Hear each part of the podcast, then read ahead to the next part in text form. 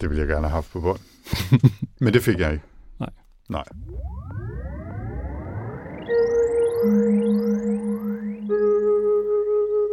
Velkommen til Sci-Fi Snak. Med science fiction. Og med snak. Med Jens Jarl Poder. Og Anders Høgh Nissen. Velkommen til. You're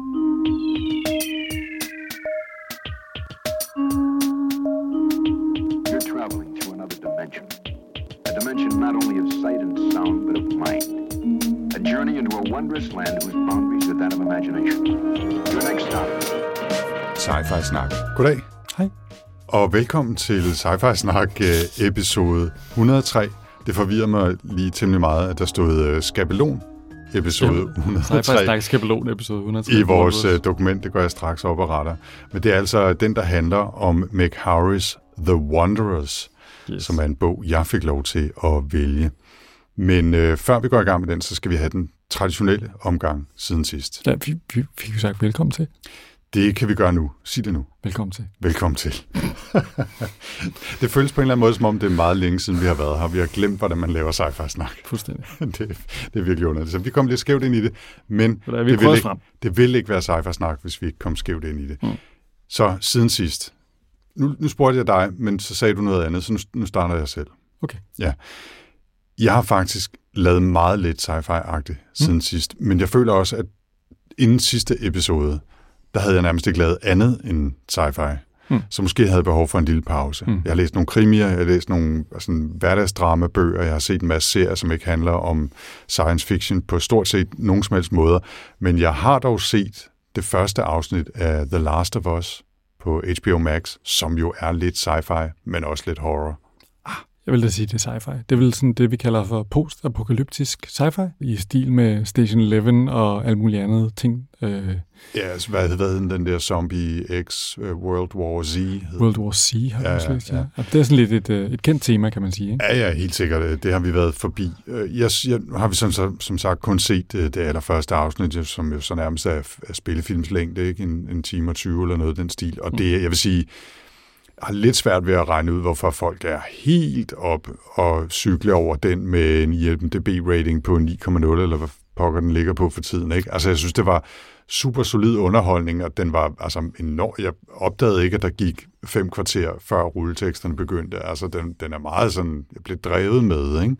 Men jeg, jeg har svært ved at se, hvad der sådan løfter den over alt muligt andet post-apokalyptisk ballade med, med svampezombier og sådan noget. Ikke? Men, men det kan være, det kommer i de efterfølgende afsnit. Vi skal helt klart se noget mere. Altså, jeg vil i hvert fald se til afsnit 3, som øh, er ret ufattelig, fantastisk, utrolig, helt vanvittigt godt. Okay. Som i, jeg tror det var, jeg ved ikke om det var Wired, som sagde, ja, nu har vi allerede årets tv-afsnit. Okay. Så lige det med, så kan du altid lige overveje. Ja, okay. Nå, men Ja. det, det gør vi i hvert fald. Altså, og vi havde som sagt tænkt os at se noget mere, og, og nu ser vi i hvert fald hen til og med øh, tredje afsnit, det er helt sikkert. Men du har også set den, kan jeg så? Ja, jeg ser den sammen med Laurits. Okay. Det er meget cool, synes jeg. Jeg synes, det er meget spændende, men det er klart, at det, det kører jo i nogle plovfuger, man kender, ikke? Altså, Der var også øh, The Girl with All the Gifts, tror jeg, vi har snakket om på et tidspunkt. Jeg tror ikke, det var en bog, vi læste i Sci-Fi Snak, men, men det er også lidt fra det samme, fra den samme skuffe. Mm. Øh, og, og det, det er jo godt stof, det er fascinerende stof, ikke? Altså, det er verden, som vi kender den, men så alligevel overhovedet ikke. Mm. Plus zombier, ikke? Så jeg tror, det er lidt det her med, at de bruger den til at fortælle nogle historier, som er nogle, hvor at det her det er mere sådan settingen, der sætter folk under pres. Lidt ligesom også øh, det der The Last of Us, og hvad hedder den, det der zombie-serie. Øh, w- w- way, ikke Wasteland. Walking Dead. Walking Dead, ja. Ja. Wasteland. Det går skide godt, ja. Ja, vi, vi Nå. sidder også begge to her med læsbriller på og føler Ja, årene trygge, så det kan, være, det kan være, det begynder at sætte sig på hukommelsen. Anyways, Jeg gik rundt i et kvarter i morges og ledte efter min punkt, som lå det samme sted, hvor den altid ligger, og hvor den stadigvæk lå. Altså, og tredje gang var henne og kigge i den samme skuffe, så fandt jeg den. Okay, Så tænker jeg bare, okay, nu, nu skal jeg snart på pleje. altså, det er helt... demenstest. Ja, det er virkelig åndssvagt. Nå, øh, Jens, fortæl mig om noget, du har lavet ud over Last of Us. Jamen, jeg har jo læst, øh, altså jeg blev øh, presset af, af, hvad hedder det, mig Britt på, hvad hedder det, vores øh, sci-fi-snak øh, noter på, at øh, da, da Maren Uthaug fik de gyldne lavbær, så var det sådan lidt, nu må I læse den, kom så gutter. så jeg har læst øh, 11 procent Altså ikke af bogen, det hedder bogen. Bogen hedder 11 procent, Okay. som jo er den, øh, en dansk science fiction bog, som øh, har fået en masse hæder. Og øh, jeg synes, den var rigtig hård at komme igennem, men jeg tror også, du har, du har ligesom prøvet at døbe fødderne i den øh, med lidt udfordringer. Og det, jeg synes egentlig, det kunne noget. Altså, jeg var, altså det er jo sådan en, øh, en basically er vi i en verden, hvor at, øh, at kvinderne har ligesom overtaget magten. Mænd er blevet reduceret til 11 procent af befolkningen, det man har brug for, for at vi ikke bliver alt for indavlet. Og de mænd, der er, de er i nogle lejre nede i Navsk- Nakskov, hvor at, øh, de ligesom er inddelt i Bobbies, øh, Jerry's, Nickies, og det er sådan ligesom, hvad de ligesom er til, og, og hvad de, altså der, der tager man ned til sådan en avlcenter, og så er det sådan en slags spag, skråstreg, hygge dig med nogle mænd, som er under stærk narkotisk påvirkning. Øh, Okay. det bruger hun så ligesom som ramme til at fortælle en historie om de her fire kvinder, som, som lever i det her samfund. Det er jo ikke fordi, det er sådan, er sådan en speciel rosenrød fortælling om det samfund. Det virker sådan lidt som om, at hun har læst øh, 1984 og lavet sig inspirere relativt meget. Det er ikke. Der mangler bare en store søster, så er, så er der nogle af, af tendenserne. Ikke? Altså, der er jo tydeligvis, vi, snak, vi, vi møder nogle mennesker, som har det svært i det her samfund. Al- Alle sammen kvinder i øvrigt. Mm. Jeg synes, øh, jeg synes, den kunne noget især. Øh, jeg synes, den var tung i starten. Den spræller virkelig i nettet øh, i, starten, men, men da den så kommer i gang i den anden halvdel, der synes jeg faktisk, at hun formår at øh, lave nogle ret øh, fantastiske fortællinger om nogle af de her kvinder, som faktisk er, er, er spændende at læse. Okay. Så der løfter den så. Alright. Så ja, altså det, den, det synes jeg sagtens, man kan læse. Ja. Så Maren, Maren Uthaug, ikke? Ja, det er hende, der laver bagsiden på politikken, den der ting, jeg gjorde. Aha, okay. Ja. Øhm, jeg, jeg, som du lige sagde, Jens, så, øh, så dyppede jeg tæerne i den af årsager, vi skal vende tilbage til lige om lidt. Så, øh, så fik jeg læst øh, de 20 sider, som er det gratis uddrag i, i boghandlen, øh, uden at man køber den. Og jeg kunne godt mærke, det, det, det var ikke lige mig. Altså den form for øh, lidt for spekulativ, øh, fri associerende dansk sci-fi, det, det mig, det, jeg, jeg er PTSD-ramt efter Inge Eriksen øh, og Luderen fra Gomorra, Mm. og, og den her gav mig altså nogle ubehagelige mindelser om dengang, så jeg, jeg, jeg tror ikke, jeg kommer videre med den. Men jeg er glad for, at du fik den læst. Til Jeg tror, jeg tror, det der måske var interessant ved den, var det der med, at den ligesom... Den er jo et ekstremt eksempel på noget, ikke? Altså på, på et, øh, et måde at vende hele kønsdebatten på, på hovedet. Øhm, men så fungerer den alligevel som sådan et... Altså det er jo ikke, det er jo, jeg tror ikke, at øh, Maren, hun synes, at det er sådan her, verden skal være. Men den, den, den formår jo så ligesom at krasse i en hel masse ting, som man går og tager for... Altså, når de ændrer ligesom faderen, søn og helligånden til moren, sønnen. Mm. altså, alle de der ting, som de gør, er jo så ligesom en måde at kigge tilbage på det, vi har, og sige, nej, det er rigtigt. Øh... Nej, det, det er også rigtigt. At, Men, men det, altså, jeg, vil, jeg vil gerne understrege, at det er jo ikke fordi, jeg har et problem med at læse om en verden, uanset om det er en dystopi eller en utopi, hvor der kun er 11 procent mænd tilbage, og hvor kvinderne har taget magten. Nej, nej. Altså, det er jo ikke tematikken, det er måden, den er skrevet på, og øh, jeg, jeg synes bare, det føles lidt forseret og fortænkt. Men det, det er min oplevelse af de første 20 sider af den her bog. Det kan være, at jeg gør den Og man- stor uret, ikke? Men altså, jo, jo, men altså, jeg vil også sige, den vaklede på, på kanten af at være, være sådan lidt for... Men på en eller anden måde, så kunne den alligevel noget. Ja. Ja. Så tillykke Hvad- til Maren med De Gyldne Lavbær. Ja, til, Det ja, var for dejligt, at noget science fiction vandt den. Ja, ja, det er da fantastisk. Mm. Øh, i, I samme ombæring, så var jeg så lige inde og snuse til en anden dansk science fiction bog, der hedder Verdenshjertet af Viggo Bjerring, tror jeg han hedder, og øh, øh, som vi også har fået anbefalet, og der nåede jeg lidt længere, måske 30 sider ind. Jeg, jeg er lige startet i dag, så det har ikke noget at gøre med, at jeg bare smid, smider bøger om og til højre og venstre, uden at gøre dem færdige. Øhm, og den foregår i en meget mere genkendelig verden, hvor vi følger en, en øh, litteraturkandidat, hvilket jo selvfølgelig er særlig relevant for os to, som mødte hinanden på litteraturvidenskab, i, bortset fra, at jeg aldrig blev kandidat, men, men altså, øhm, øh, som, som arbejder sådan noget, altså sådan noget, der hedder Easy Jobs, hvor han sådan får korte korrekturopgaver via en eller anden platform for, på nettet. Det er voldt bare med korrekturlæsning og den slags tekstopgaver, ikke? Og, øh, og jeg synes, altså, jeg vil ikke sige, at jeg nåede at opleve særlig meget af den historie, eller kunne vurdere, om det er stor kunst eller særlig øh, hitte på somt. Men den havde jeg dog sådan lidt mere momentum i forhold til at, at snige et kapitel mere øh, under bæltet. Måske også, fordi jeg allerede har haft lederet op af lommen og har købt den. Øh, men altså, øh, jeg, jeg tror, vi er stadigvæk sådan måske skal vi også bare leve op til vores eget image. Ikke? Vi, vi er stadigvæk sådan lidt forsigtige med dansk science fiction, skal vi sige det på den måde.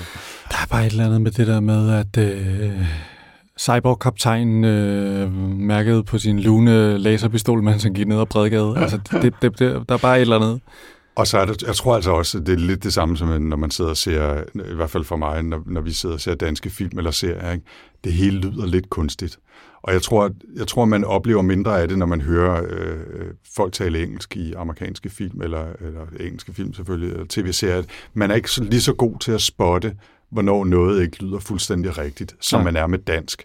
Og det er lidt det samme tekst. Selvom vi garanteret læser 95 procent af det, vi læser på engelsk, eller hører det på engelsk, og 95 procent af det materiale, vi kigger på, er engelsk eller mere, jamen så er vores danske ører bare så tunet ind på at høre de mindste unaturligheder. Og jeg tror, det samme gælder med tekst, og det, jeg tror, det er noget af det, der rammer mig, når jeg sætter, sætter mig og læser sådan noget dansk sci-fi, det er, at altså, det er ikke engang en genkendelig hverdagsverden. Og så det lyder i, for, det er i forvejen lidt anderledes. Og det kan jo være fint nok, men hvis, det, hvis tonen så ikke sidder lige i skabet, så, så står jeg ret hurtigt af. Ikke? Mm. Altså, det er sådan en lille lomme teori, jeg har om det.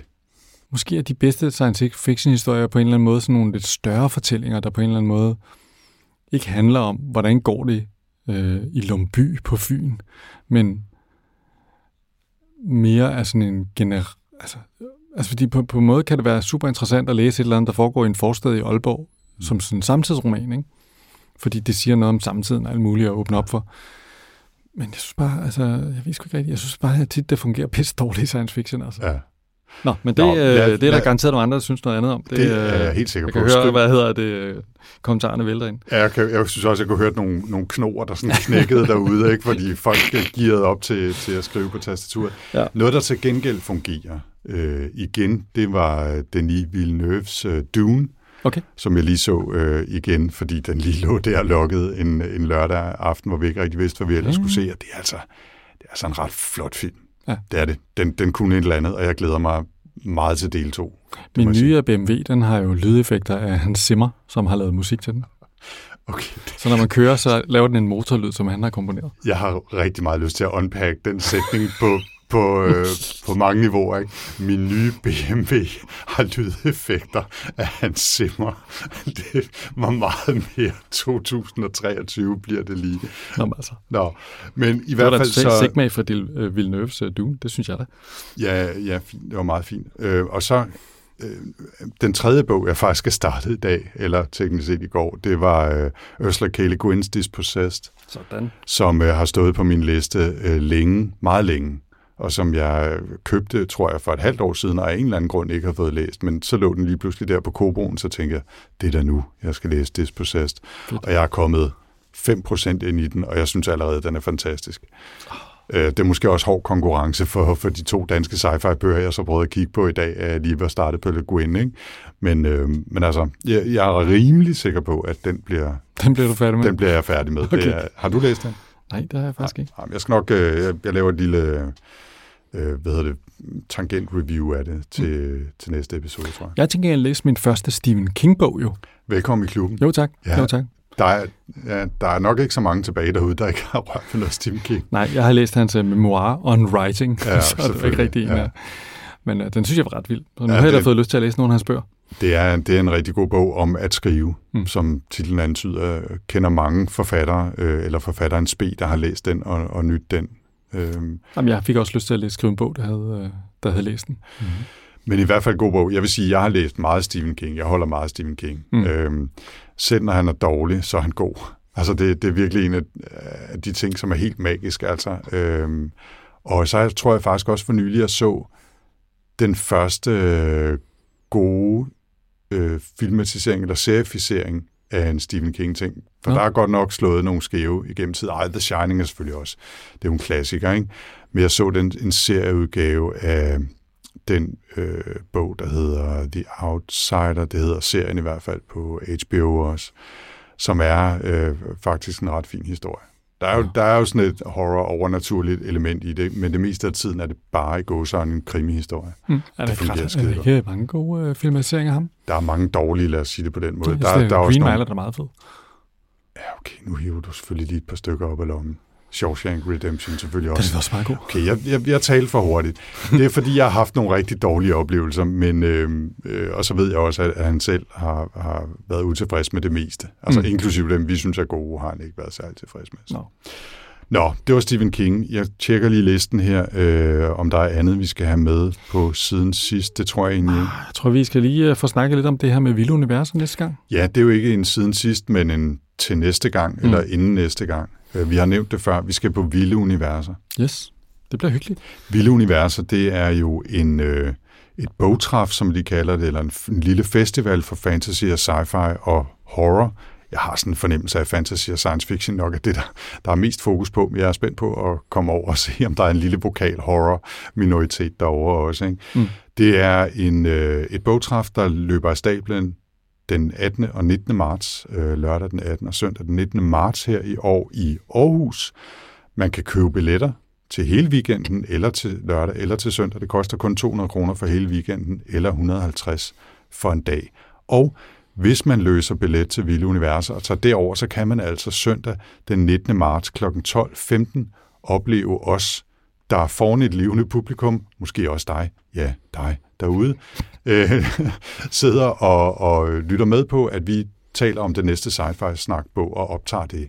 Forhåbentlig med lidt indspark fra publikum også. Jeg er meget spændt på det panel, der hedder Må voksne læse fantasy og science fiction. Det håber jeg, at de kommer frem til, man godt må. Ja, det, det håber jeg sandelig også. Ellers så bliver det en, så bliver det en lidt kedelig podcast-optagelse, hvis vi ikke må. Ja. Øh, desværre, vi skulle jo have lavet sci-fi-snak nu, men det viser sig, at panelet lige har afgjort, at det må vi ikke. At, at voksne ikke må læse mm. science fiction og fantasy.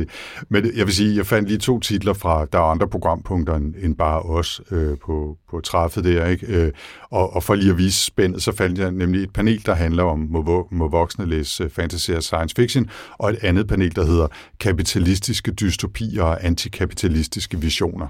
Så har vi også ligesom tegnet altså begge sider af, af den, her, den her brede palette, ikke? Mm. hvis man kan tegne sider af en palette, men det gjorde jeg lige. Øhm, vi skal, jeg ved ikke, om vi skal afsløre, hvilken bog vi skal læse, fordi det, har- vi har aftalt med arrangørerne, at vi siger til i god tid, så folk kan nå at læse bogen også, øh, dem der er til stede. Ja, Jens, du rækker en det vil jeg gerne fortælle, hvad Ja. det er for en bog. hvad er det for en bog? Vi skal nemlig læse uh, Neil Stephenson, som jo ellers, uh, jeg har været meget ude efter tit i uh, sci-fi sak, fordi han uh, ja, nogle gange skriver lidt langt. Men vi skal tilbage til Ur-Neil, Til den gode Nil, den gode Neil. siger du. Ja. Som, øh, og jeg, øh, det er en, øh, det, jeg har en, øh, en bog, jeg har i fysisk kopi, som jeg engang købte, øh, da vi var i Amsterdam sammen. Og jeg læste den på vej hjem i Eurolines bussen, fordi at jeg var den eneste, som ikke kunne sove i sådan en bus. Og hvilken bog er det? Det er The Diamond Age. The Diamond Age. Og der er flere grunde til, at vi vælger den til, øh, til det her arrangement.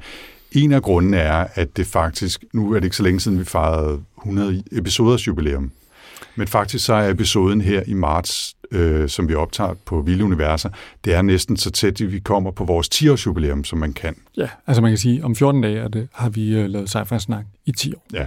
Så det kunne enten være den her episode, der var vores 10-års jubilæum, eller den næste. Jeg synes lige, vi skal over den dato, hvor vi udgav den første episode. Så det bliver altså episode 104, som er vores øh, 10-års jubilæum. Og øh, i anledning af vores episode 100, der lavede vi jo en afstemning blandt vores lyttere om, hvad for nogle bøger, øh, eller hvilken bog de synes, vi skulle læse til vores episode 100. Og det blev sådan en slags uofficiel sci-fi-snak lytter top 10 liste, der kom ud af det. Så derfor valgte jeg jo også til 101, at vi skulle læse Heinlein, Starship Troopers. Og så sad vi og blev enige om, at vi virkelig bare øh, ikke nødvendigvis slavisk skal gå igennem den liste øh, resten af året, men kan vælge fra den, ja. når det giver mening. Og øh, Diamond Age var jo øh, den næste bog, så vidt jeg husker, på, øh, på den liste. Ja, det kunne have været den eller Ender's Game, så Ja. nu bliver det sgu Neil. Nu altså, bliver det Neil Stevenson. så kan han også komme ind i vores øh, Hall of Fame jo. Ja, det var, det, der fortjener han jo en plads. Det synes jeg. Det kan vi hurtigt blive om. Især den øh, ur-Nil. Ur, Uranil, ja. ja. Så, så hvis man øh, har lyst til at læse med, så øh, skal man ud og læse eller genlæse Neil Stevensons Diamond Age inden den 19. marts. Vi udgiver jo episoden kort tid efter, vi har optaget den live derovre øh, i Aarhus. Og øh, så har jeg sådan lidt en fornemmelse af, at Enders Game nok dukker op også inden alt for længe, uden at sige, at det lige frem bliver gangen efter eller noget. Men den, den har jeg en, en svaghed for, øh, så den synes jeg også, jeg kunne tænke mig at genlæse også mm. i det her øh, forum. Skal vi ikke til at snakke om øh, dagens bog, The Wanderers, Anders? Det var Det den bog, du valgte. Ja, og øh, jeg kan faktisk ikke huske, hvor jeg hørte om den første gang. Den er jo tilbage fra 2017, så den må have rumsteret derude på en eller anden måde. Men jeg har sådan en fornemmelse af, at jeg stødte på den sidste år eller året før i en af de her øh, de 50 bedste bøger fra året, der gik-agtige lister, som dukker op omkring øh, nytår. Og så dem kigger jeg altid igennem, og så laver jeg en note med nogle af de titler, jeg synes lyder interessante. Og jeg tror, at det var der, den dukkede op, fordi øh, på en eller anden måde, så var den i hvert fald havnet på en liste med mulige sci-fi-snakbøger.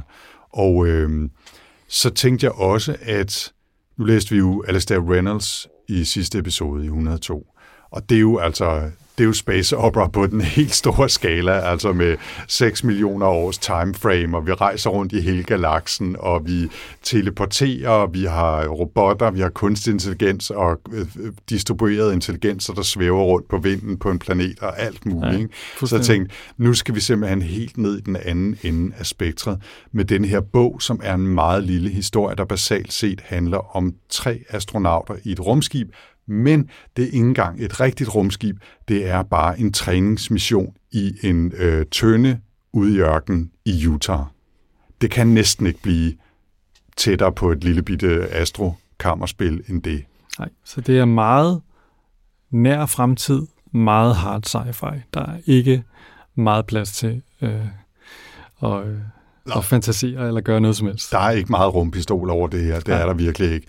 Øh, eller aliens, eller noget som helst. Og i virkeligheden, efter at have læst den, så tænkte jeg også, altså er det, er det næsten der, hvor man skal diskutere, om det er science fiction rigtigt? Fordi det er altså den her slags træningsmissioner, hvor man samler nogle øh, wannabe-astronauter i en tønde, eller tre tønder, der er svejset sammen, og lader dem lade som om, at de er på øh, den internationale rumstation eller på en månebase. Det er jo noget, man har gjort i overvis, så det er jo ikke engang, fordi det sådan er en fremtidsfantasi eller noget. Vi er en, ah, teknologien er en lille smule mere avanceret, end den er i dag, men det er basalt set verden, som vi kender den, og den handler jo meget, meget mere om de her mennesker deres udvikling og deres relationer. Vi møder øh, nogle af deres familiemedlemmer osv. Øh, og det er jo meget mere det, end det er teknologien, der er i fokus. Jeg er ikke i tvivl om, at det er science fiction eller speculative fiction, men vi er der, hvor, hvor jeg har sagt, almindelige mennesker godt kunne læse den her, uden at bagefter sige, at det var da en science fiction bog. Ja, det er helt sikkert. Altså, det er jo sådan en nær fremtid, og det er meget fokus på sådan en kammerspil, øh, øh, tre mennesker og deres familier, det, det handler om. Ikke? Det er jo det, der er det vigtige historien. Mm. Så, så det kunne man da sagtens sige, men, men samtidig er det jo en historie, der handler om noget, som nogle men, altså det er jo en forskning om, hvad, der, hvad nogle mennesker, som måske inden for de næste 10 år, hvor vi skal til at rejse ud til andre planeter, hvad er det, de står overfor? Mm. Det, det er, nå, så, så, Så lad os bare kalde det det må skulle være inden for skiven, altså. Ja, ja. Det tænker jeg. Og hvis jeg skal sige en lille smule mere om, om forfatteren, så hedder hun uh, Meg Howry. Jeg kendte hende ikke før, og så vidt jeg kan se, så er det også den eneste sådan, altså rigtige science fiction, hun har skrevet. Hun har skrevet nogle andre bøger, som, som er sådan hverdagsdramaer. Uh, hun er selv tidligere professionel danser, og har skrevet bøger fra den verden, altså folk, som udtrykker sig øh, kreativt i dans eller teater eller, eller den slags. Og så har hun altså også opdaget, at jeg har skrevet to bøger i en serie om øh, en gut, der hedder Magnus Flight, som øh, af anmelderne bliver kaldt for øh, både fantasy og romantik og sexet krimi, og også indeholder elementer af tidsrejse. Så måske er der alligevel et eller andet der, men det virker nærmest som om, at hun har sådan en split personality, og så har hun skrevet små hverdagsdramaer med udgangspunkt i nærmest virkelige situationer, og så har hun skrevet serien om Magnus Flight. Øh, det, det lyder rimelig vildt, øh, men hun øh, skrive, det synes jeg nu godt, hun kan, for nu at tease en lille smule af, af, af vurderingen her. Ikke? Nu nævnte jeg, at, øh, at det er en lille historie om de her tre personer på det her, den her analog mission, som man kalder det, altså hvor de skal træne til rent faktisk at blive sendt til Mars i det her tilfælde. Ja, altså settingen er jo den, at øh, vi er ude i en nær fremtid, hvor at øh, Mars-programmet det er blevet privatiseret til en virksomhed, der er ledet af en gut, der hedder Boone. Øh, Boone Cross. Øh, han har en virksomhed, der hedder Prime Space, som øh, er heustratisk berømt for at være dem, der har lavet den oprindelige rumdragt, som blev brugt på månen. De havde noget know-how, fordi de oprindeligt havde lavet noget frækt undertøj eller sådan noget. De, de kunne noget med at sy på særlige måder, og det var altså nyttigt. Øh, så, så den her virksomhed har ligesom sådan en, en pionerånd, og han er sådan lidt en Elon musk karakter. Ikke? meget Elon Musk. Der bliver lagt og... meget op til. Altså, når man starter med at læse bogen her, så bliver der lagt meget op til, at Boone, han er garanteret et asshole. Men det, der ligesom er pointen, det er jo, at de skal de skal teste, øh, før de sender afsted, så skal de teste af, hvad sker der, når man har astronauter afsted. Så, så de skal simpelthen på sådan en træningsmission øh, i, hvad hedder det, i at være i det her rummodul. Ja, de, I, de, i, altså det er jo næsten et, altså det er 17 måneder, de skal være afsted. Ikke? Ja, de er i gang med at lave den her mission, der hedder Mars Now, som skal flyve de her astronauter til Mars, hvor de så skal være i 30 dage, og så skal de flyve tilbage igen. Og man skal ikke bare øh, lave bare i godsøjne, lave det her 17 måneder lange eksperiment for at finde ud af, hvordan astronauter i al almindelighed opfører sig øh, i, i, i den form for mission. Man skal undersøge, hvordan de her tre astronauter, mm. som er topkandidater til at komme på den rigtige Mars-mission, hvordan de har det med hinanden i 17 måneder. Fordi det vil være meget ærgerligt at sende tre mennesker afsted, og så efter 12 uger, så opdager man, at de bund og grund hader hinanden fordi det kan, det kan sætte missionen i fare. Ikke? Mm. Og, og man har jo også lavet den slags øh, øh, analog eksperimenter, hvor man har været nødt til at afbryde det. Øh, jeg tror, det var i, i Moskva, hvor man havde en mission, hvor der var en kvinde, som måske, måske ikke blev voldtaget, simpelthen mens hun var derinde. Og i hvert fald var der et hæftigt trekantsdrama. Ikke? Der var de så lidt flere end tre. Jeg tror, de var seks eller otte mennesker derinde. Ikke? Og de var simpelthen nødt til at afbryde det og hive folk ud igen og sådan noget. Og det er jo sådan noget, man risikerer, der sker, hvis man lukker folk ind på meget lidt plads i, i meget lang tid. Ikke? Og det er derfor, de laver den her analog mission, for, for at undersøge, hvordan lige præcis Sergej og Helen og Yoshi har det med hinanden i halvandet år. Ja, og, og nu fik jeg sådan sagt, at det var hard sci-fi, men det er det måske ikke rigtigt, fordi hard sci-fi, tænker jeg ligesom er, at der er nogen, der skriver en bog, hvor de tager afsæt i en eller anden teknologi, og så sådan ligesom, det betyder rigtig meget. Men teknologien fylder ikke så meget i den her bog. Det handler i virkeligheden meget om det her, hvad skal man kalde det, øh, menneskelige øh, udfordring, det er at være astronaut.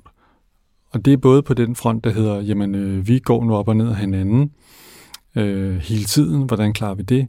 Men det er også på den front, der handler om, at øh, hvordan skal jeg fungere over for omverdenen, at jeg kan klare alt, og at jeg er et overmenneske, og at jeg aldrig nogensinde kommer til kort, og at alting synes jeg bare er en spændende udfordring. Og til sidst, hele relationen til familier, Øh, hvordan skal jeg håndtere mine relationer til min datter, som igen og igen ser mig tage ud i rummet, øh, og jeg hele tiden vælger rummet over hende. Mm. Øh, det, det, det, er, det er de tre ting, der i virkeligheden er i centrum af den her bog. Ja. Så og det er i virkeligheden den slags fortælling. Det kunne lige så godt være en...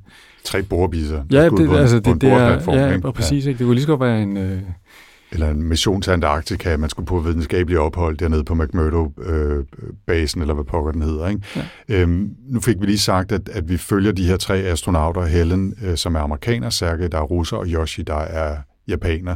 De kan selvfølgelig alle sammen tale hinandens sprog, og otte sprog derudover, ikke? og altså øh, skille en Mars-sonde ad med, med lukkede øjne øh, i, nede i, med hænderne nede i en sok. Ikke? Øhm, og de er, de er alle sammen trænede astronauter, har været på mission, de har været ude på den internationale rumstation osv., så, videre, så de, det, alt det der, det kan de ligesom godt. Ikke? Mm. Nu skal de bare finde ud af, om de også kan det sammen. Øhm, og så udover at vi følger dem, og vi får øh, for deres perspektiv at høre. Altså, den er bygget op af kapitler, som er fortalt fra forskellige personers perspektiver. Vi, vi skifter meget mellem Helen og Sergej og, og Yoshi, men vi møder også nogle af deres familiemedlemmer. Ja, øh, så det, det, de er faktisk et lige så hyppige kapitel, ja. øh, hvad hedder det, første persons karakterer. Det er de nemlig, og, og nogle af de vigtigste er øh, Sergejs ene søn, Dimitri, mm. som vi følger, øh, Helens datter Mirai, eller ja. Mips, som hun bliver kaldt, og Yoshis kone Madoka, eller Madoka, øhm, også japaner. Så det, det, dem følger vi meget. Og så er der en, en gut, der hedder Luke. Luke hedder han, jeg skulle til at sige, mm. han hedder Erik, det hedder han ikke. Han, han er sådan Luke. en psykolog, der følger missionen. Ja, der er jo sådan et helt hold af folk, der observerer de her tre astronauter inde i deres øh, simulerede rumfartøj ude i Utah. Mm. Dem kalder de oppers for, altså observationsfolk. Luke er den vigtigste, der er et par andre, som man også hører om og så videre. Ikke? Men det er primært øh, de tre astronauter og de her tre familiemedlemmer og så et par andre karakterer. Ikke? Øh, som, som vi følger. Så det er jo en meget, meget lille historie, som du siger, med lige så meget vægt på de mennesker, som ikke er astronauterne. Mm. Øh, om, om, om deres hverdagsoplevelser, som selvfølgelig på en eller anden måde hele tiden relaterer sig til, at deres mor eller far eller mand er en del af den her mission, men handler lige så meget om dem, ikke? Nå, jo jo, men altså på hver deres måde kæmper de jo med, at Helen for eksempel, som er den her amerikanske astronautveteran, den her superkvinde, der bare har kunne klare den ene mission efter den anden, og rekord i rumvandringer og alt muligt. Ikke? Hendes datter Mirai, ikke? hun lever jo altså fuldstændig i skyggen af hende. Ikke? Mm. Og moren vælger jo altid rummet over Mirai. Ja. Og det er hun selvfølgelig en mega bitter over. Ja, det er klart. Øhm, så på den måde, ja, selvfølgelig, det handler hele tiden om den relation, Ja. Men vi følger også bare situationer og, i deres hverdag. Og det der med, at det der rum, det der rumfart fylder så meget. Kravene til de her folk, der vinder med rumfart, at det fylder så meget. At det at elske rumfart på det her, den her måde, som Sergej, hvad hedder det, Helen og Yoshi gør, det er en, det er lidt ligesom i øh, Deep Blue med de her folk, der dykker. Altså, de, det, det koster dem alt ja. i virkeligheden. Ikke? Men de gør det alligevel. De gør det alligevel. Det er det, de lever for. Ja. Men Jens, skal vi ikke øh, holde fast i vores øh, nye format om at tage nogle nedslag jo, i bogen, i stedet for at løbe den igennem kronologisk. Og jeg kan, jeg kan sige, det, det vil vi heller ikke få sindssygt meget ud af, kan man Nej. sige. Øh, start med nedslag. Yes, men jeg vil godt øh, starte med det der, som at tage fat i det her med, altså når man sidder og læser den her bog, så tænker man bare, den her bog er bare så klogt skrevet. Altså, hende her, Meg, hun er meget smartere end mig. For noget af det, jeg synes er ekstremt fascinerende ved det her, det er hendes take på at følge følelser ind i, hvordan astronauter, de bliver nødt til at opføre sig ekstremt politisk. Helen, hun har sådan noget, hun kalder for pig-adfærd, som handler om at opføre sig polite, interested, good-humored. Øh, og det udviser hun allerede i første scene, hvor hun er på besøg hos øh, Boone i Prime Space, og øh, Boone, han snakker løs om al hans baggrund og bla bla, hans store planer og sådan noget. Og Helen, hun er deep in the pig zone.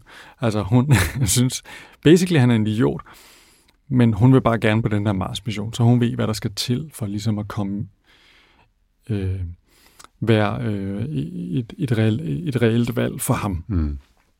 Og det former de her astronauters det forestiller Meg sig, det former de her astronauters måde at tænke på. Så jeg synes scenen her, hvor at de er taget sted i denne her øh, fake øh, sonde, som er på vej til Mars, og så da de er afsted der, så pludselig så begynder ting at gå i stykker, og det virker ikke, og lokummet løber over, mm. og fryseren stopper, og de har simpelthen et eller andet 48 timer, hvor de bare er i gang med at skrue trækkeren. Fordi de skal jo testes, altså hvordan de klarer alle de her situationer. Ikke? Ja, det er det, de forestiller sig ja. måske, men det kan også bare være det, fordi ja, det ikke virker jo, hvem ved. Fordi det går i stykker, ja, det er ikke. Men, men deres, øh, deres, hvad hedder det, approach til alting, det er jo gå i gang med at løse problemet. Ikke? Og så har man sådan en fantastisk, øh, hvad hedder det, dialog, de kører, som ligesom afspejler, hvor de snakker i de termer, som de bliver udspurgt af, af alle de her psykologer i sådan nogle test, de hele tiden Så Sergej råber, I feel under pressure to perform well. But Yoshi says that this mission is giving him opportunities to make meaningful contributions. Så Helen, hun svarer, I feel my workload is manageable. Og det, der så fortsætter med, det er jo, at uh, Helen tænker for sig selv, hun skal bare, altså, den er helt sikkert manageable. Man kan helt sikkert klare den her workload. Man skal bare lige finde ud af, hun, hun ved ikke lige, hvordan man skal gøre det nu, men på et eller andet tidspunkt skal hun nok finde ud af det. Ja, og det, det, er, det, er, rigtig, det er rigtig sjovt. Altså, det er en, det er en sjov scene, og det er en, det er en sjov måde, de kommunikerer på her. Mm. Ikke? Og det er, som du siger, fordi de hele tiden bliver testet. Altså for det første ved de jo, de bliver observeret hele tiden. Der er et sted, de kan gemme sig for video, det er ude på det lokum, som er på størrelse med altså et halvt kosteskab. Ikke? Mm. På et tidspunkt er der jo den scene, hvor de skal klippe hellen, hvor de alle tre går derud også bare for at få lidt frihed. Og de, altså, det er virkelig sådan noget med, at de står op i hinandens armhuler, og den ene må sidde med en fod nede i lokummet og sådan noget. Ikke? Altså, nå, men Øh, de bliver hele tiden overvåget, de bliver hele tiden udspurgt og evalueret, og de skal hele tiden udfylde spørgeskemaer, og det er jo skrevet i det der sprog med, på en skala fra 1 til 10, hvor godt føler du, at du har overskud øh, til at klare dine arbejdsopgaver, og hvor, hvor, hvor, hvor positivt føler du, det, føler du dig stemt over for dine medastronauter øh, på en skala fra 1 til 10 om morgenen, om eftermiddagen, øh, om aftenen. Altså det er hele tiden den slags ting. Mm. Så de bliver fuldstændig indoktrineret med det der sprog, ikke? Ja, det, altså det, bliver, det kommer tilbage senere i den scene, som jeg skal snakke om for lidt, ikke? men det er jo det her med, at de er under et pres for at virke, som om de ikke har nogen svagheder. Ja. Og det er der jo ikke nogen mennesker, der ikke har. Selvfølgelig. Øh. Men, og det, og, men det man så også kan sige, det er jo, som du også antyder, ikke, at de er jo ekstremt kompetente astronauter. Ikke? Mm. Astronauter bliver jo klaret, eller trænet til at klare stort set hvad som helst, der smid, bliver smidt i hovedet på dem, for der er ikke nogen andre, der kan gøre det. Ikke? Mm. Øh, så, så de er jo også kompetente. Jo, men, men de er eksempel, også trænet til at virke kompetent. Jo, men man kan også sige, altså for eksempel Helen har jo vist sig jo i den her scene at have kæmpe problemer med, at hun begår en fejl omkring noget med en fryser, som hun glemmer at plugge ind, ikke? Mm. Og, og spilder en halv time på ikke at finde problemet, fordi hun er totalt overtræt, ikke? Batalt set glemt at sætte stikket i. Ja, ja. ja. Og, øh, og der, altså, at der, hvad hedder det, har hun jo enormt svært ved at, at slippe, at hun har begået en fejl. Ikke? Ja. Fordi så meget af hendes liv handler om at være perfekt. Ja, det er Det er, det, er, det, er et, det er en rigtig god sekvens der. Der er mm. mange gode sekvenser i den her bog. Hvad tænker du? Det første lille nedslag, jeg har valgt, det er en situation, hvor, øhm, hvor der sker jo andre ting i verden rundt omkring, selvom de her øh, tre astronauter sidder inde i en, i en, øh, en simuleret mission, i et simuleret rumskib i, i Utah, Øhm, der er en parallel mission, hvor det kinesiske rumfartsagentur er ved at sende tre af deres taikonauter, som de hedder, altså kinesiske astronauter, til, øh, til månen for at lande der. Men øh, der sker den katastrofe, at, øh, at de brænder op under en ulykke øh, meget hurtigt efter launch. Og det sker altså nærmest samtidig med, at Helen og Yoshi og Sergej på den her simulerede mission er ved at skulle lande på Mars. Så man vælger, man tager simpelthen den beslutning, ikke at fortælle dem, at nogen af dem, der basalt set er deres kolleger, altså de her tre kinesiske tagonauter, at de er døde i en tragisk ulykke, fordi de lige er på et kritisk tidspunkt i, i deres analog mission. De venter med at sige det, kan man de, sige. Ja, de ja. venter med at sige det. De udskyder det, jeg kan ikke huske, hvor meget det er, men i hvert fald nogle timer, jeg tror måske også et par dage. Ja. Øhm, og, og det giver jo anledning til en hel masse diskussion, øh, både øh, hos øh, Prime Space og senere hos astronauterne, da de får det at vide, og også hos især Mireille, øh, øh, Helens datter, som ved, at de ikke har fået det at vide.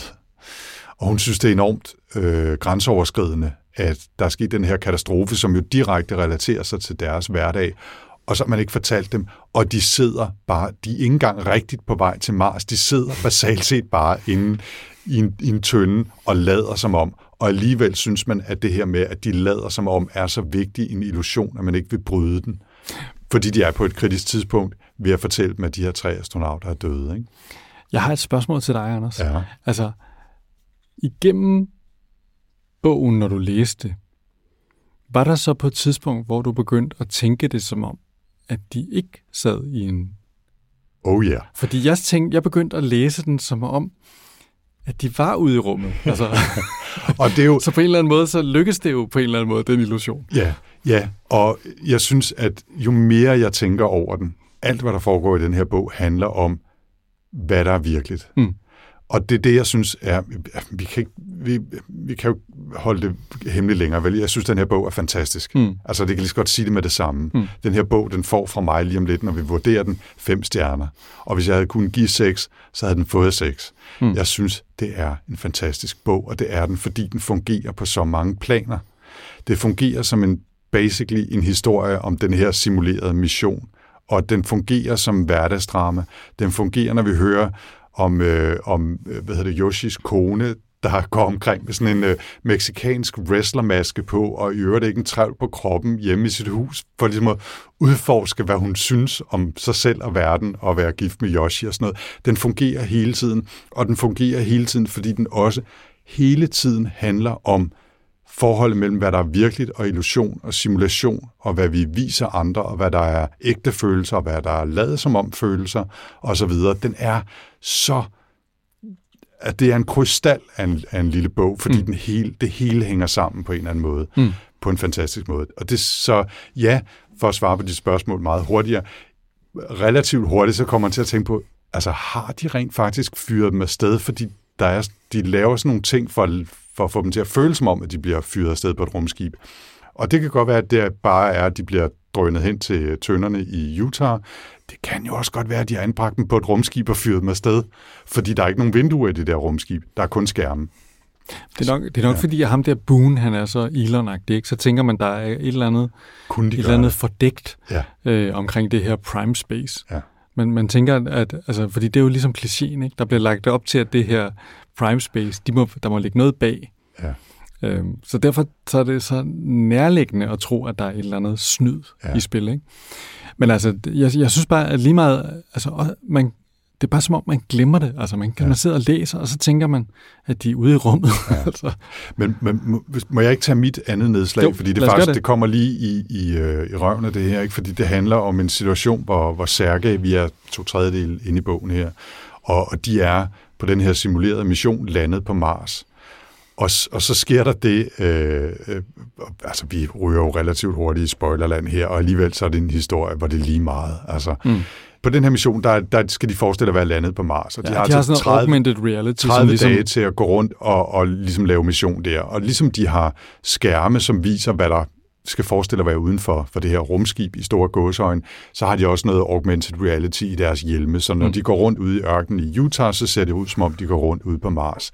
Og så, og så opstår der sådan en glitch, så det er som om, at lige pludselig så forsvinder den her øh, VR-udgave af Mars, og i stedet for så ser han ørkenen i Utah eller gør han? Ja, for Fordi han synes, det ligner rigtig meget Mars. Ja. Og det forstår han simpelthen ikke. Og der er ligesom ikke nogen af, af Prime Now-menneskene øh, øh, rundt om, som burde være der, hvis de hele tiden bliver observeret af alt det der.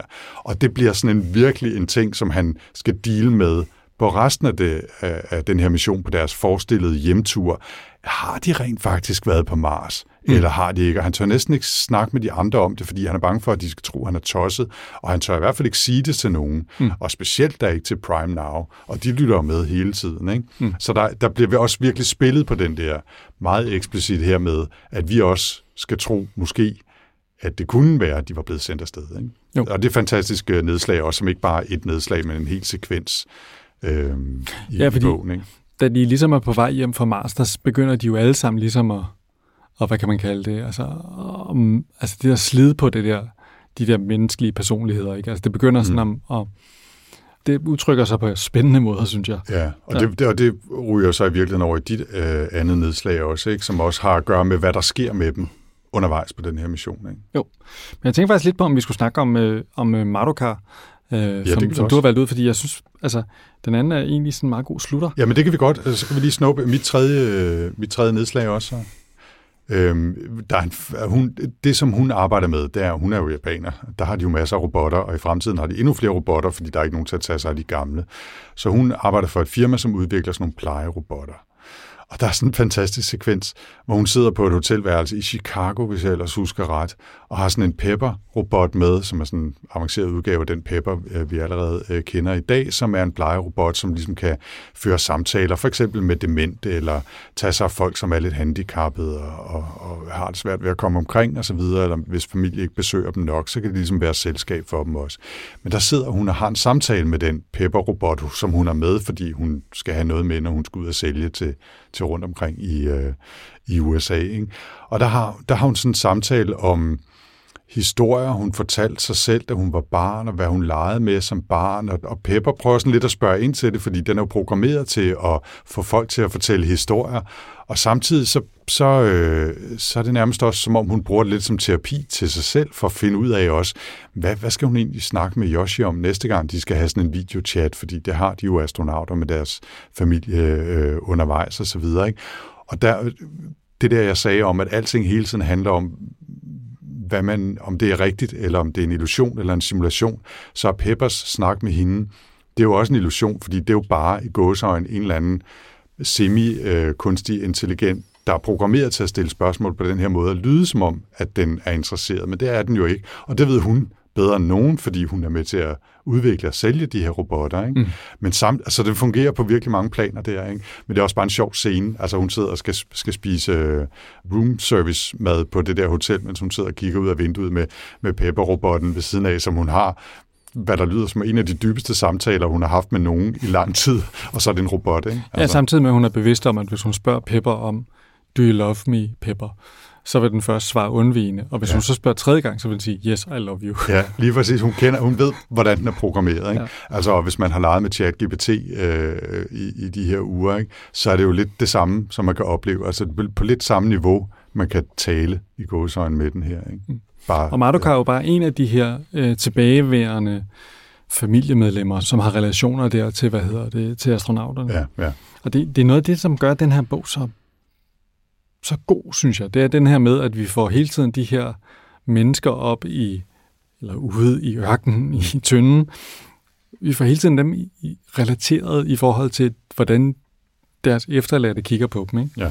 Altså Helen, når hun fortæller om sig selv, så er hun jo kapabel og bom, bom, og sådan ikke? Men når Mireille, hendes datter, snakker om hende, så er hun jo ekstremt ked af det i virkeligheden, ikke? Og, og enormt øh, Altså hun har primært haft en relation til sin far, som nu er død. Ikke? Mm. Moren har altid øh, været optaget af den næste mission, hun skulle på. Ja. Hvis hun ikke har været væk, så har hun trænet til at skulle væk. Ja. Basalt set. Ja, ja. Hele Mirais liv. Og det kan man jo sagtens ja. se for sig, at hvis du skal være astronaut, så er der jo ikke tid til at rende rundt og sige, nej, nej, jeg skal da være hjemme med dig, og vi skal da tage til vi skal da tage på Interrail sammen. Altså, det er der ikke tid til. Nej. Jeg synes faktisk, øh, noget af det, som er, er vildt med den her bog, det er den måde, den slutter på. Øh, slutningen af bogen har vi haft den her lidt krise, ikke? Helen er begyndt at, at frønse lidt, ikke? Hun begynder sådan mere og mere, hendes pikkeadfærd begynder sådan ligesom at... Og hver gang de spørger til noget med hendes mand eller noget med hendes datter, så bliver hun mere og mere sådan... Åh. Hun begynder at have sådan nogle sekvenser, hvor hun, sådan, hvor hun synes, at hendes hud er enormt fantastisk. Ja, hun er klip. Altså, hun, altså, hun begynder at gå og røre ved sin hud. Ja, og, og synes, hun er helt vildt lækker og sådan noget. Ja. Og, og, det er jo noget af det, der er med hende, der hun er lidt den lidt ældre kvindelige astronaut, hvor hun har tænkt, hun har jo ligesom følt, at hun skulle ikke være den, der var seksuelt attraktiv. Mm. Øh, og Sergej der, der render rundt og forestiller sig ting omkring, at måske har de i virkeligheden været på Mars. Ikke? Så de begynder så ligesom at være en lille smule småpsykotiske. Og prøv at forestille dig at have været halvandet år, altså i en 42 kvadratmeters lejlighed med tre andre mennesker, du aldrig kan gå ud, ikke? Ja. Og, ja, nå. Men, ja, men, men det, der så er fantastisk, synes jeg, det er den måde, den ligesom samler den op på, ved ligesom at have et kapitel med Luke, et kapitel med, hvad hedder han, øh, Dimitri. Et kapitel med, hvad hedder det, øh, Helen, der snakker til, hvad hedder det, Mirai. Kapitel med Yoshi, der snakker til Madoka.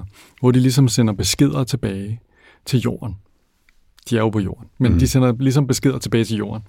Og det er bare som om, at det, der er sket, er jo, at de har vendt sig imod sådan virkeligheden på en måde. Altså, de, de, Øh, Helen for eksempel, hun siger, hun sender en besked til Mireille, hvor hun siger, jamen, jamen, det er rigtigt nok, at jeg vil altid vælge at tage ud i rummet øh, igen. Vi, skal, vi to, vi vil blive ved med at, at leve sammen, du og jeg. Øh, og du vil måske blive ved med at bebrejde mig, at jeg, hvad hedder det, forlader dig. Og jeg vil blive ved med at forlade dig. Mm. Øhm, og øhm, det ved hun ikke rigtigt, hvad hun skal gøre ved med. Nej. Og hun siger, jamen du kunne også acceptere, at jeg er en anden slags mor. Og øh, at den kærlighed, vi har, det er kun den slags kærlighed. Det, det er kun vores kærlighed. Jeg synes bare, det, hvor jeg bare tænker, altså jeg, jeg fik næsten tårer i øjnene, der jeg synes er så fantastisk, ikke? Altså ja. hvor man bare tænker, der, der træder Helen frem med hele sin personlighed, ikke? hvor hun nærmest har været sådan lidt Asperger-agtig. Mireille siger jo, at hun er sådan lidt Asperger. Mm-hmm. øh, og på samme måde er det, altså, og, og Sergej, han gør det samme i en snak til sin søn, ikke? og Yoshi gør det til, til det samme i, i, en, øh, i, en, i en besked til Madoka. Og så slutter det af med et kapitel. Alle kapitler har været nævnt, benævnt Helen, Luke, Dimitri, Sergej, Dimitri ja, osv., ikke? Og slutter det af med et kapitel, der bare hedder The Astronauts, hvor de så ligesom ender med at snakke med hinanden og blandt andet snakker om Helens pikadfærd, og øh, mm. som hun så forklarer, jamen det er faktisk et princip, jeg har, og de, de ender med ligesom at se, være åbne over for hinanden omkring de fejl og mangler, de har på en eller anden måde, ikke? Ja. så de kan være mere autentiske til stede. Jeg synes bare, det var en fantastisk snøre, der blev slået på, på den her bog. Ja, øh, og, og lige præcis det citat, du, øh, du genfortalte der, ikke? Altså, det, det er så fint, fordi det er så menneskeligt mm. på en eller anden måde. Ikke? Altså, at man accepterer, at det er ikke altid tingene er, som man gerne vil have dem, men tingene er, som de er, og de er komplekse, og de er mangefacetterede, og man kan godt have flere positioner i hovedet samtidig, og acceptere, at, at man både gerne vil, altså Helen både gerne vil være en mor, men også, at hun bliver nødt til at være den mor, hun er. Mm. Fordi hun er på den måde, hun er. Ikke? Og så, altså, jeg synes virkelig, at jeg havde tår i øjnene, da jeg, da jeg, altså flere gange i løbet af den her bog, fordi jeg synes, der er mange af den slags øjeblikke, mm. hvor man virkelig bliver ramt, og så, så er den også sjov. Altså, den er også sjovt skrevet. Der er mærkelige situationer, altså som den der, lige nævnte med Madoka, der har en maske på og render nøgen rundt og, og så videre. Ikke? Og, og, og situationen på hotelværelse med, med Pepper-robotten, men også der er bare, bare mange små sådan, citatværdige eller highlightværdige øh, sekvenser, som, mm. er, som er fede, altså som er sjove og underholdende, samtidig med, at den er virkelig rørende mm. og fed. Ikke? Altså. Jamen, altså, den, den der, bare den der sidste besked, ikke? Helen siger, ikke? What can I give you of myself? I need to find something of me that I can give you that is also something you want. Altså, det er jo en ekstrem almen menneskelig problematik, mm. der hedder, jeg vil gerne elskes af dig, jeg vil gerne give dig noget som, som noget af mig selv, men, jeg bliver nødt til at finde noget, som, som er noget, som jeg kan give. Ja. Så, altså, det, det er ret, øh, jeg synes virkelig, det var... Og, og fra samme kapitel, jo, altså, der hvor astronauterne snakker med hinanden, da, da de er ved at være tilbage, hvor Helen siger, I guess there's no use pretending we are exactly the same people now. I don't know if that is a problem or not. Altså, det, det, jeg kan godt lide, der bliver ikke slået nogen sløjfer på den her bog, vel? Altså, mm. der er ikke noget, der bliver afklaret på den måde. Vi ved ikke, hvordan det går videre. Vi ved ikke, om teknisk set ved vi ikke, om det har været en rigtig mission. Eller nej, nej, vi ved ikke, om de, de bliver valgt øh, til den næste mission, vel? Nej, det ved vi ikke. Vi ved ikke, om den overhovedet bliver sådan noget. Og så videre. Altså, jeg synes, det, det er fantastisk. Den slutter på det helt rigtige sted også. Ikke? Mm.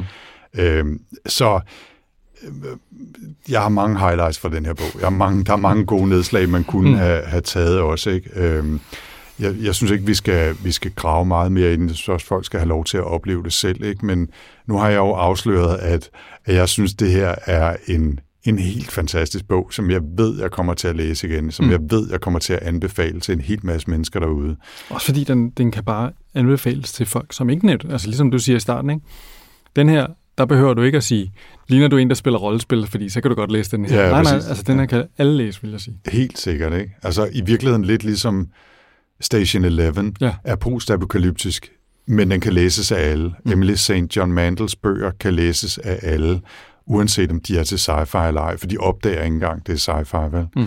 Øh, så, så synes jeg også, den her kan. Hvad, hvad har du givet den? Jeg har givet den fem stjerner. Så jeg synes, det er en ufattelig kvik bog. Altså, jeg, jeg den, kan, den spiller bare på hele klaviaturet. Jeg synes, øh, det er noget mærkeligt. Altså, det er jo noget meget anderledes sci-fi. Mm. Det minder mig også lidt om uh, Clara and the Sun. Altså, bare ikke, yeah. ikke nødvendigvis handling, men sådan ligesom, hvad det ligesom er for en slags bog. Ja, det, det er litterær. Det er rigtig litterær øh, sci-fi et eller andet sted, ikke? Ja. Uh, uden at det skal lyde som om, at sci-fi ikke kan være litterær. Men det her er den litterære ende af spektret, ikke? Ja. Og jeg synes, det fungerer skide godt. Og, og grund til at nævne før også, at jeg synes, den er sjov og underholdende det er, det skal ikke lyde som om, at det her det er tørt, øh, sådan noget øh, Ibsensk drama, hvor, det, hvor folk taler med store armbevægelser og kun piller i egen navle, vel? Altså, det, det er ikke sådan en bog. Det er bare en bog, der både kan være sjov og underholdende og spændende og udfordrende og tankevækkende på mm. alle mulige måder. Altså, det er virkelig en bobler af en bog, det her. Ikke? Det er super fedt. Ja, det. Øh, over i... Øh, hvad minder den her også om genre? Nu nævnte, du, nu nævnte vi lige Station 11, og, øh, og der er andre ting sådan lidt i den der kategori Clara and the Sun, som du også nævnte. Ikke? Øh, jeg fik sådan en lille smule mindelser om øh, Stanislav Lem Solaris en gang imellem, ikke? fordi det er også det der lille isolerede mikrokosmos med nogle mennesker, som er sammen og arbejder sammen, men også lidt lever ind i deres egen lille verden, kan man sige. Der er nogle aspekter af det. Og så en væsentlig anden kategori, en film, der hedder Proxima, med Eva Green, som kom for to år siden, som også er science fiction på, det, på, på en eller anden måde, og så alligevel overhovedet ikke. Den handler om en kvindelig astronaut, der træner til at skulle afsted på en mission øh, og fyres af over for Baikonur. Og hun har nemlig også en datter. Og hvad er forholdet til hende og datteren? Fordi hun vil jo gerne på mission. Moren, hun er jo astronaut, men samtidig har hun også en datter, som bliver mere og mere utilpasset, fordi moren ikke er der og så videre. Ikke? Der, er sådan, der er mange mindelser om, om den også i, i, i læsningen for mig her. Ikke? Absolut også en film, der er værd at se, hvis man kan falde over den Proxima. Øhm, så så mm, rigtig, rigtig, rigtig fin øh, bog her, synes jeg. Ja, det synes jeg, det må man sige var en anbefaling, ikke? Jo. Skal vi ikke sige det? Det synes jeg, vi skal sige. Fem stjerner fra os begge to, ja. og i hvert fald seks fra mig, hvis jeg kunne. Ja, men det var, det var, sgu, øh, det var sgu vildt. Altså også bare fordi, vi, der var ingen af os, der havde nogen forventninger til den her, vel? I, ikke andet, jeg havde Altså, læst den på den der liste, jeg var slet, nå okay, det lyder da meget sjovt, analog mission, det prøver vi, ikke? Ja. Og så, ja. Jeg, jeg må indrømme, at da du valgte den, så tænkte jeg bare, oh, fuck, jeg er ikke klar. Du, jeg, du gik i gang med den før mig, og så sendte du en sms til mig. Jeg ved ikke, hvor langt du har været inde i den, men ikke særlig langt. Du sagde, det er fandme en fed bog, det her. Jeg tænkte, åh, oh, ja, fordi jeg var virkelig nervøs for, jeg var ikke selv gået i gang med den på det tidspunkt, mm. så jeg var selv nervøs for, om jeg ville kunne lide den, og jeg tænkte også bare, åh oh, nej, sådan er dårlig, jeg kommer aldrig til at, jeg kommer aldrig til at, at, at, få lov til at vælge en bog igen, men jeg, er- jeg er glad for, at jeg ramte rigtigt. Nyt format. Jens ja. vælger bøgerne. Ja, præcis. Apropos vælge bøger. Man skulle tro, vi havde været i den her Segway Business i 103 episoder. Ja. Nu har vi jo allerede nævnt det, øh, men bogen til næste gang er jo en, vi vælger i fællesskab, og det er altså Neil Stephensons Diamond Age. Yes. Og øh, det er, hvis man har lyst til at, at være med og høre os optage episoden, så er det altså på Vilde Universer Mm. den 19. marts, søndag den 19. marts i Aarhus. Man kan købe billetter, vi skal nok linke selvfølgelig fra vores øh, show notes og på sci-fi-snak.dk og sikkert også i Goodreads-forumet sci-fi snak-gruppen derinde. Øhm, så det er den, vi skal læse den næste gang. Og så tænker jeg, at det må være dig, der så vælger til episode 105, når vi kommer så langt. For ellers så kommer vi jo ud af whack. på Lad os sige det. Lad os sige det. Og ellers så øh, vil jeg bare sige tusind tak, fordi I gad at lytte med. Det var bare super fedt. Og øh, man kan altid kigge forbi på sci også på Goodreads, hvor vi har en gruppe, sci snak-gruppen, mm. hvor man kan komme med forslag til bøger. Ja, og det håber vi, I vil gøre, og giv også gerne jeres mening til kende om, hvad I synes om Meg Harris The Wondrous, hvis I læser den derude. Og det synes vi, som, som det nok fremgår af den her episode, ja, at I Det skal bør, gøre. det bør jeg nok gøre. Det bør I gøre, ja. Yes, og ellers så øh, bare tak for den gang. Tak det for en denne fornøjelse, gang. Anders. Kan du have det, Det var det absolut. Ha' det godt. Ses. Hej. Hej.